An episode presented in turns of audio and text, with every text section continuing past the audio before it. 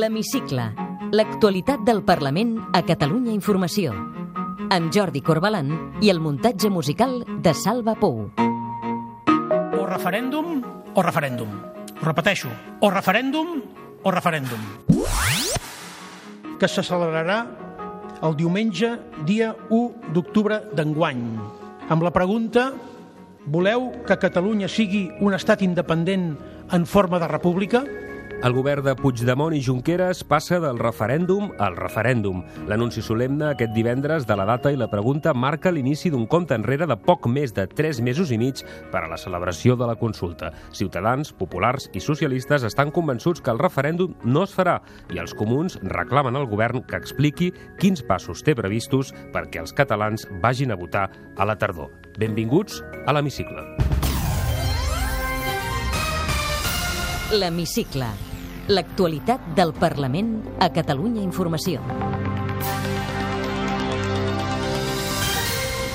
El govern espanyol adverteix la Generalitat. Los anuncios, los pensamientos no delinquen. Si eso se traduce en actos, evidentemente serán los expertos jurídicos los que verán si esos actos son constitutivos o no de delito. El Pacte Nacional dissol l'executiva però es preserva com a espai aglutinador del dret a decidir. El pacte, naturalment, és viu i ha de seguir alhora que naturalment el pacte també ha de mirar la realitat del país. Germà Gordó abandona Junts pel Sí però es queda com a diputat no adscrit. Junts pel Sí exigeix al diputat Germà Gordó que plegui i retorni l'acte de diputat al grup parlamentari. Es presenta al Parlament el dispositiu antiincendis de l'estiu. En cas de manca de pluges raonables, durant els propers mesos, les comarques on més ràpidament incrementarà el perill d'incendis seran les dels dos extrems del país, Empordà i Ebre. I ens contestaran una frase al qüestionari de l'hemicicle. Jorge Soler, diputat del Parlament de Catalunya per Ciutadans.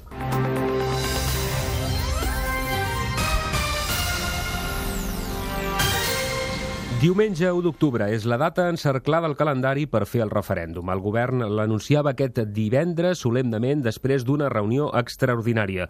El president Puigdemont i el vicepresident Junqueras compareixien al pati dels tarongers per llegir una declaració institucional envoltats dels consellers, de la presidenta del Parlament, Carme Forcadell, i dels grups parlamentaris de Junts pel Sí i la CUP davant d'aquesta realitat d'un estat eh, que exerceix antidemocràticament les seves funcions, que perjudica els interessos econòmics de, del país, que perjudica el concepte de justícia social dels nostres ciutadans, els ciutadans de Catalunya han votat en unes eleccions al Parlament de Catalunya, el Parlament de Catalunya ha pres un seguit de compromisos.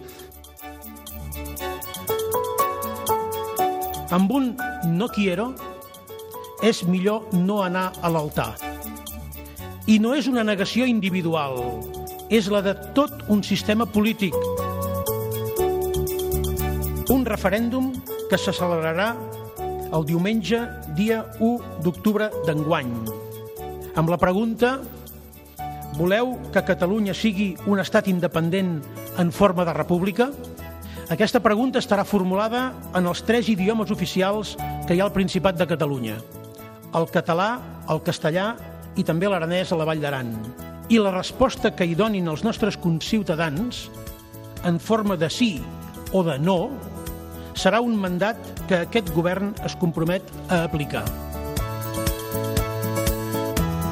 El govern es conjura a oferir totes les garanties i a vetllar per la rectitud del procés de convocatòria, organització i celebració del referèndum, i fa una crida a tots els ciutadans i ciutadanes a assumir col·lectivament, amb la màxima dignitat i exigència, l'exercici d'un dret inalienable, un dret sobre el qual descansa l'edifici de la democràcia, el dret de les persones a decidir lliurement el futur del seu país.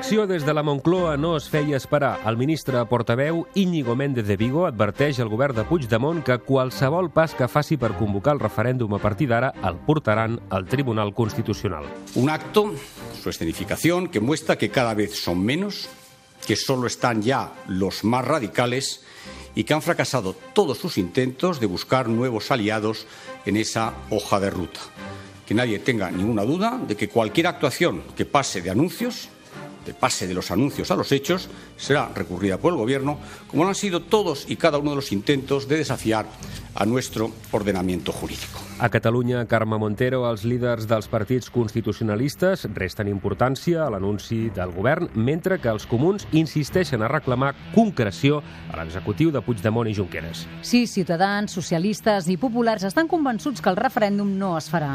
Sentirem la cap de l'oposició i líder de Ciutadans, Inés Arrimadas, el president del grup parlamentari del PSC, Miquel Iceta, i el del grup popular, Xavier García Albiol. L'única cosa bona de l'anunci d'avui del senyor Puigdemont és que avui estem més a prop que ahir de tenir unes eleccions a Catalunya i de poder posar fi a aquest procés esgotat i esgotador que no ens ha portat en lloc i que creiem, a més a més, que està arribant al, al seu fi. Estem davant d'un anunci que nosaltres creiem que no condueix a res. L'anunci de la data i la pregunta d'un referèndum que no se celebrarà. No hi ha una sortida unilateral al problema de relacions entre Catalunya i la resta d'Espanya. La realidad es que hoy lo único que ha habido es una escenificación, una gran obra de teatro en donde el decorado era de cartón i paper. Des de Catalunya sí que es pot, Joan Coscubiela reclama al govern que concreti com pensa convocar i fer el referèndum. Perquè avui el govern només ha fet que anunciar que anuncia que farà un referèndum. Però el que ha de fer és presentar en seu parlamentària, que és on es fan aquestes coses, la norma i el seu programa de celebració d'aquest referèndum. Sense això, tot queda en fum. I des de la CUP, Benet Salelles demana als comuns que s'assumin a la defensa del referèndum. Que el que hem d'intentar fer, sobretot, és deixar de, de buscar excuses, no?, i començar a veure com, eh, entre tots, eh, no? com, com, a, com a país, com defensem aquest referèndum i entre tots com fem que, que s'executi. No? L'Hemicicle. L'actualitat del Parlament a Catalunya Informació. L'anunci de la data i la pregunta arriba pràcticament al límit dels 18 mesos del que es va anunciar que seria una legislatura excepcional. Han estat uns mesos certament intensos en què l'activitat al Parlament ha girat al voltant del procés. Ho reviurem ara en aquesta seqüència sonora. L'Hemicicle. Atès que el molt honorable senyor Carles Puigdemont i Casamajor en aquesta votació ha obtingut 70 vots a favor, resta investit president de la Generalitat. Segurament és més temporal que mai perquè vivim un moment irrepetible que probablement necessita lideratges irrepetibles. I això exigeix que ens hi deixem la pell.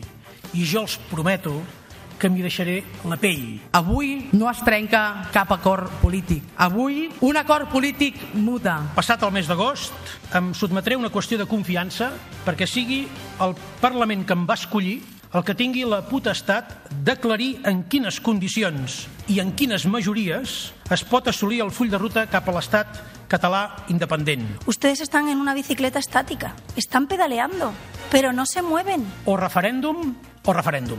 Repeteixo, o referèndum o referèndum.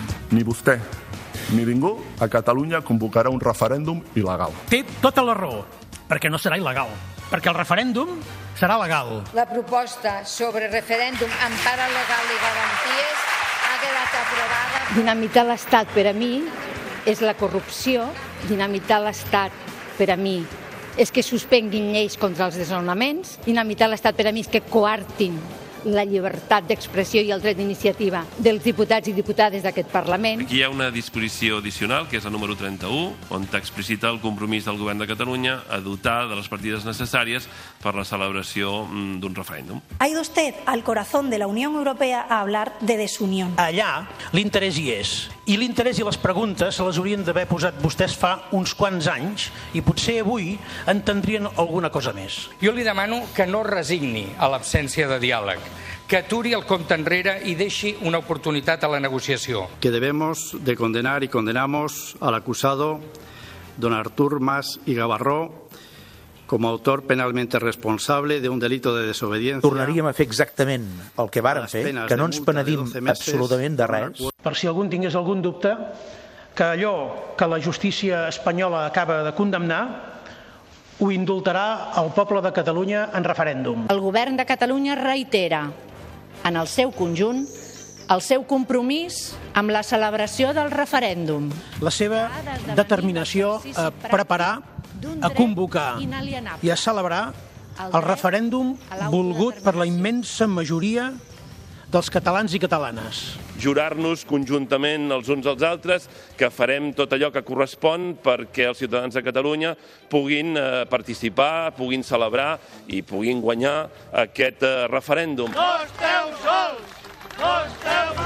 Si aquest és el preu que hem de pagar per a garantir que el Parlament continue lliure d'ingerències, continue sent l'espai lliure de la paraula, el pagarem gustosament. No hem plantejat el tema d'aquest reconeixement previ com a condicions o limitacions. L'estem plantejant, ho hem dit des del començament, com un element per intentar buscar el suport internacional davant d'una situació que és la total i absoluta beligerància en contra per part de l'estat espanyol a la celebració d'aquest referèndum. Esperaremos hasta el último minuto de la prórroga, pero que no quepa ninguna duda de que si no se articula una propuesta pactada por ausencia de voluntad del gobierno español, el compromiso del gobierno de Cataluña con su pueblo es democráticamente inviolable. Ningún dirigente, por mucho que se lo crea, puede estar por encima de la ley y saltarse lo que son decisiones que le corresponde tomar al conjunto de los españoles. No és la resposta que ni esperàvem nosaltres ni que serveix per encarregar la resolució d'aquest desencontre.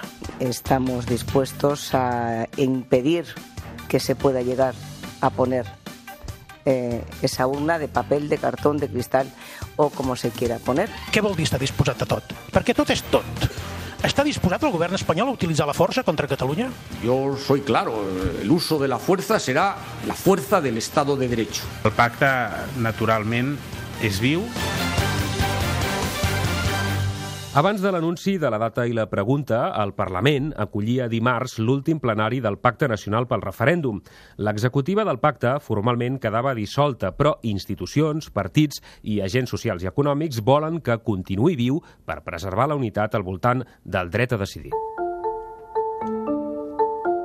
El fins ara coordinador del pacte, Joan Ignasi Helena, està convençut que el pacte representa la nova centralitat del catalanisme polític. que el pacte, naturalment, és viu i ha de seguir alhora que naturalment el pacte també ha de mirar la realitat del país i en aquest sentit ser convocat cada vegada que els esdeveniments polítics i socials així ho requereixin i estem segurs que hi ha la intel·ligència política i la generositat en el marc del pacte nacional perquè això es produeixi en tot moment. Des de Catalunya en Comú, Xavier Domènech insistia a reclamar un referèndum amb garanties i Albano Dante Fachin de Podem reivindicava el pacte com un espai de resposta al govern espanyol. Les vies ràpides van en contra de les pròpies aspiracions. És imprescindible que un espai com el Pacte Nacional per Referèndum, que recull una pluralitat enorme, sigui un espai que pugui donar resposta a aquest Partit Popular que ens preocupa. Lluís Llach, de Junts pel Sí, avisava que no s'aturaran fins a fer realitat el referèndum i el copaire Benet Salelles proposava que des del pacte s'impulsi un veritable debat pel sí i el no. No tan sols perquè és la clau per dir prou a un estat demofòbic, urnafòbic i caduc, sinó també i sobretot perquè els ciutadans d'aquest país puguem decidir què volem ser, qui volem ser i com volem ser. organitzar arreu del país el debat ciutadà amb arguments del sí, amb arguments del no i per trencar aquest segrest de les opcions del no que intenten impedir un debat profund que ha de precedir qualsevol referèndum. Al Parlament, mentrestant, es van fent passos que podrien servir per avançar en la desconnexió. Dimarts s'aprovava en comissió el dictamen de la reforma del reglament que incorpora la tramitació de lleis en lectura única a petició d'un grup i habilita la segona quinzena d'agost com a període hàbil de sessions. L'oposició acusa la majoria independentista de retallar els drets dels parlamentaris. Sentim el portaveu de Junts pel Sí, Jordi Turull, i el popular Alejandro Fernández. Qui treu garanties en aquest Parlament es diu Tribunal Constitucional i es diu Fiscalia, que són els comodins que vostès, quan hi ha alguna que no els agrada, utilitzen massa sovint.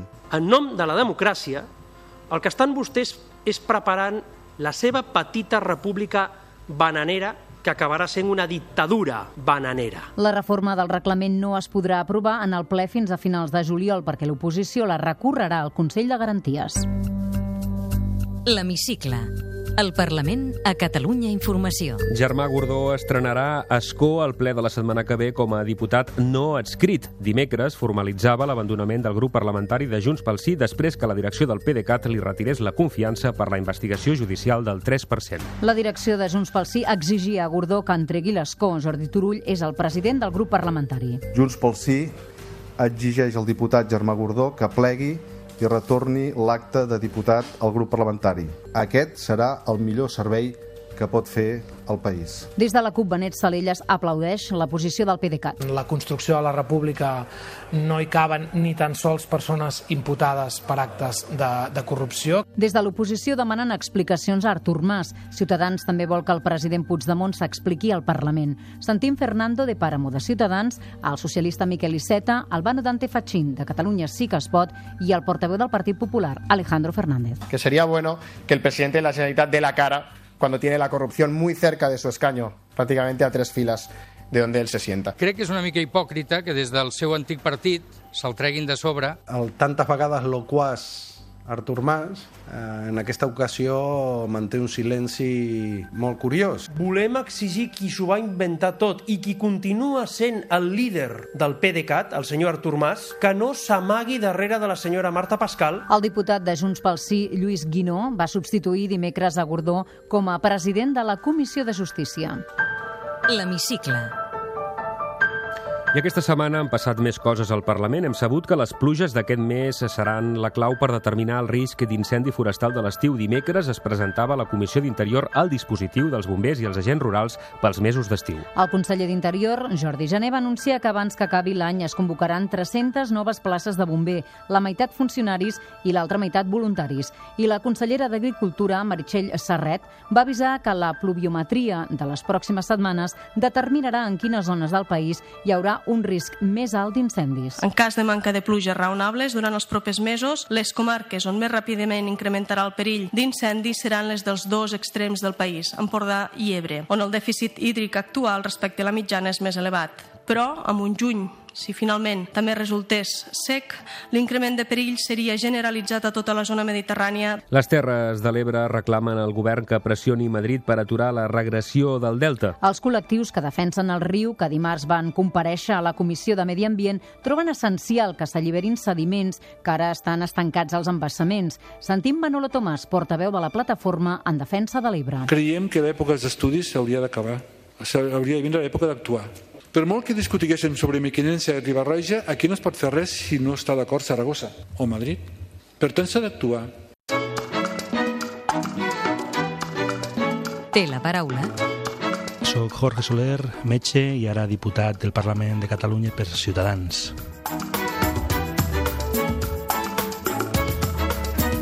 En una frase. I ja tenim data i pregunta pel referèndum. Quina creu que ha de ser la resposta a partir d'ara del govern de l'Estat?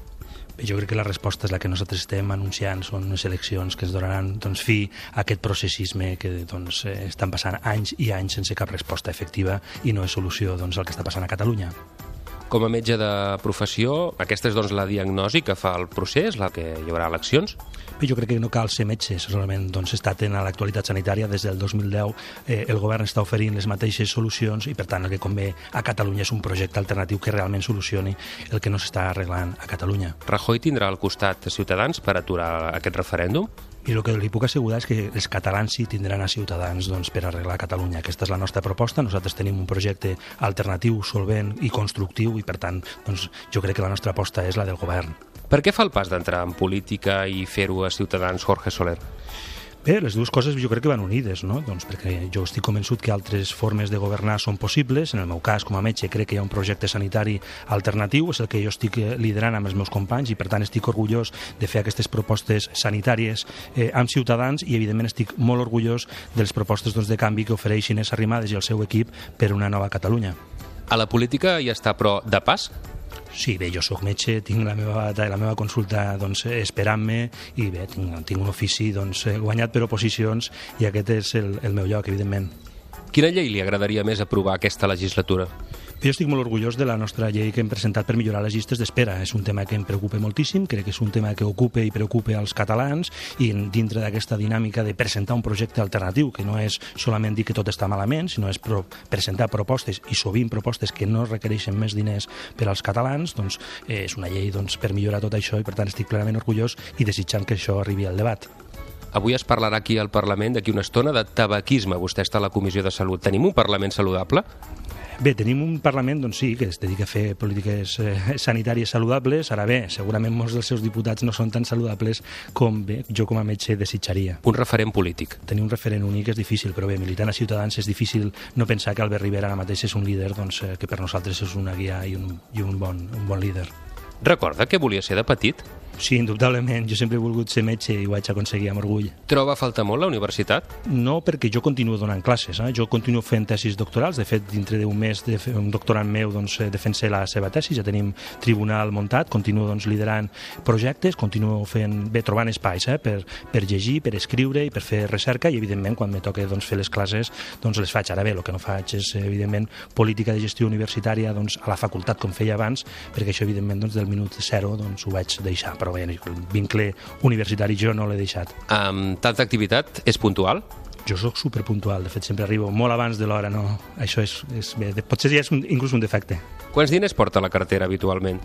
Bé, no sé, jo com viatjo normalment amb, amb la tarja i amb els abonaments de, de l'AVE al telèfon, doncs eh, utilitzo pocs diners, però bé, segurament doncs, pel, pel dia a dia, eh, doncs eh, 40-50 euros per el que pugui sorgir. Té mútua? Sí, Digui'ns quin és el seu pla preferit per un diumenge a la tarda. Doncs el que faig cada diumenge és sortir amb els nens, doncs intentem doncs, anar al carrer, anar bé, doncs, a passejar, doncs, a columpis, bé, a fer esbarjo familiar. Tornem amb els hàbits saludables. Fa esport amb certa freqüència? Bé, jo intento sortir els diumenges al matí surto amb bici, abans eh, dos cops per setmana intentava fer bici, ara bé, ara al Parlament i Vic, i aquí l'únic esport que hi ha és caminar de comissió en comissió, i la meva tornada, doncs bé, jo sempre torno a Lleida, i per tant corro eh, per, per arribar a Arc de Triomf i agafar doncs, els Rodalies i tornar cap a, cap a Sants el més ràpid possible per no perdre cap tren. Carn o peix? Jo menjo de tot. Té traça amb els fogons? Doncs bé, cuinar cuino poc. Està enganxat a alguna sèrie de la tele? No, jo sóc molt més de, de llegir. Recomani'ns un llibre. Doncs eh, miri, aquest cap de setmana vaig poder finalitzar el llibre que es titula 68, del Ramon Usall, exdiputat de la CUP, company que va entrar amb mi aquesta legislatura per Lleida. Ell va deixar eh, l'ASCO doncs, eh, bé, a les poques setmanes no, de constituir gairebé el govern i això, però bé, he mantingut contacte, sé que treia llibre i, i a més el tinc dedicat, l'he llegit i a més és un llibre molt interessant que fa un recorregut per París. Creu en el poder de les xarxes socials? Sí, jo crec que té un, bé una part, una part social doncs, inqüestionable. Ara bé, jo crec que les xarxes socials indubtablement no és tot el que passa ni reflecteix eh, tot el que hi ha doncs, al món i menys la política. El racó de Lleida, la seva ciutat, que més li agrada? Miri, jo visc, sempre ho he fet eh, vivint de cara a la Seu Vella i per tant qualsevol, eh, qualsevol visió que jo tinc cada matí indubtablement passa per buscar la Seu Vella encara que quan hi ha boira no la veig però la continuo mirant. Hi ha alguna cosa després de la mort? Jo crec que no. I què l'omple més a la vida? estar a casa amb els nens, amb la família, doncs, i sortir el que abans comentàvem, no? fer el diumenge i, i passar bon temps eh, veient-los créixer. Jorge Soler, diputat de Ciutadans, diputat per Lleida de Ciutadans. Gràcies per ser avui a l'hemicicle. Com sempre, un gran plaer estar amb vostès. Podeu tornar a escoltar l'hemicicle al web catradio.cat barra hemicicle i seguir l'actualitat del Parlament a través del Twitter a arroba hemicicle i arroba cati-política.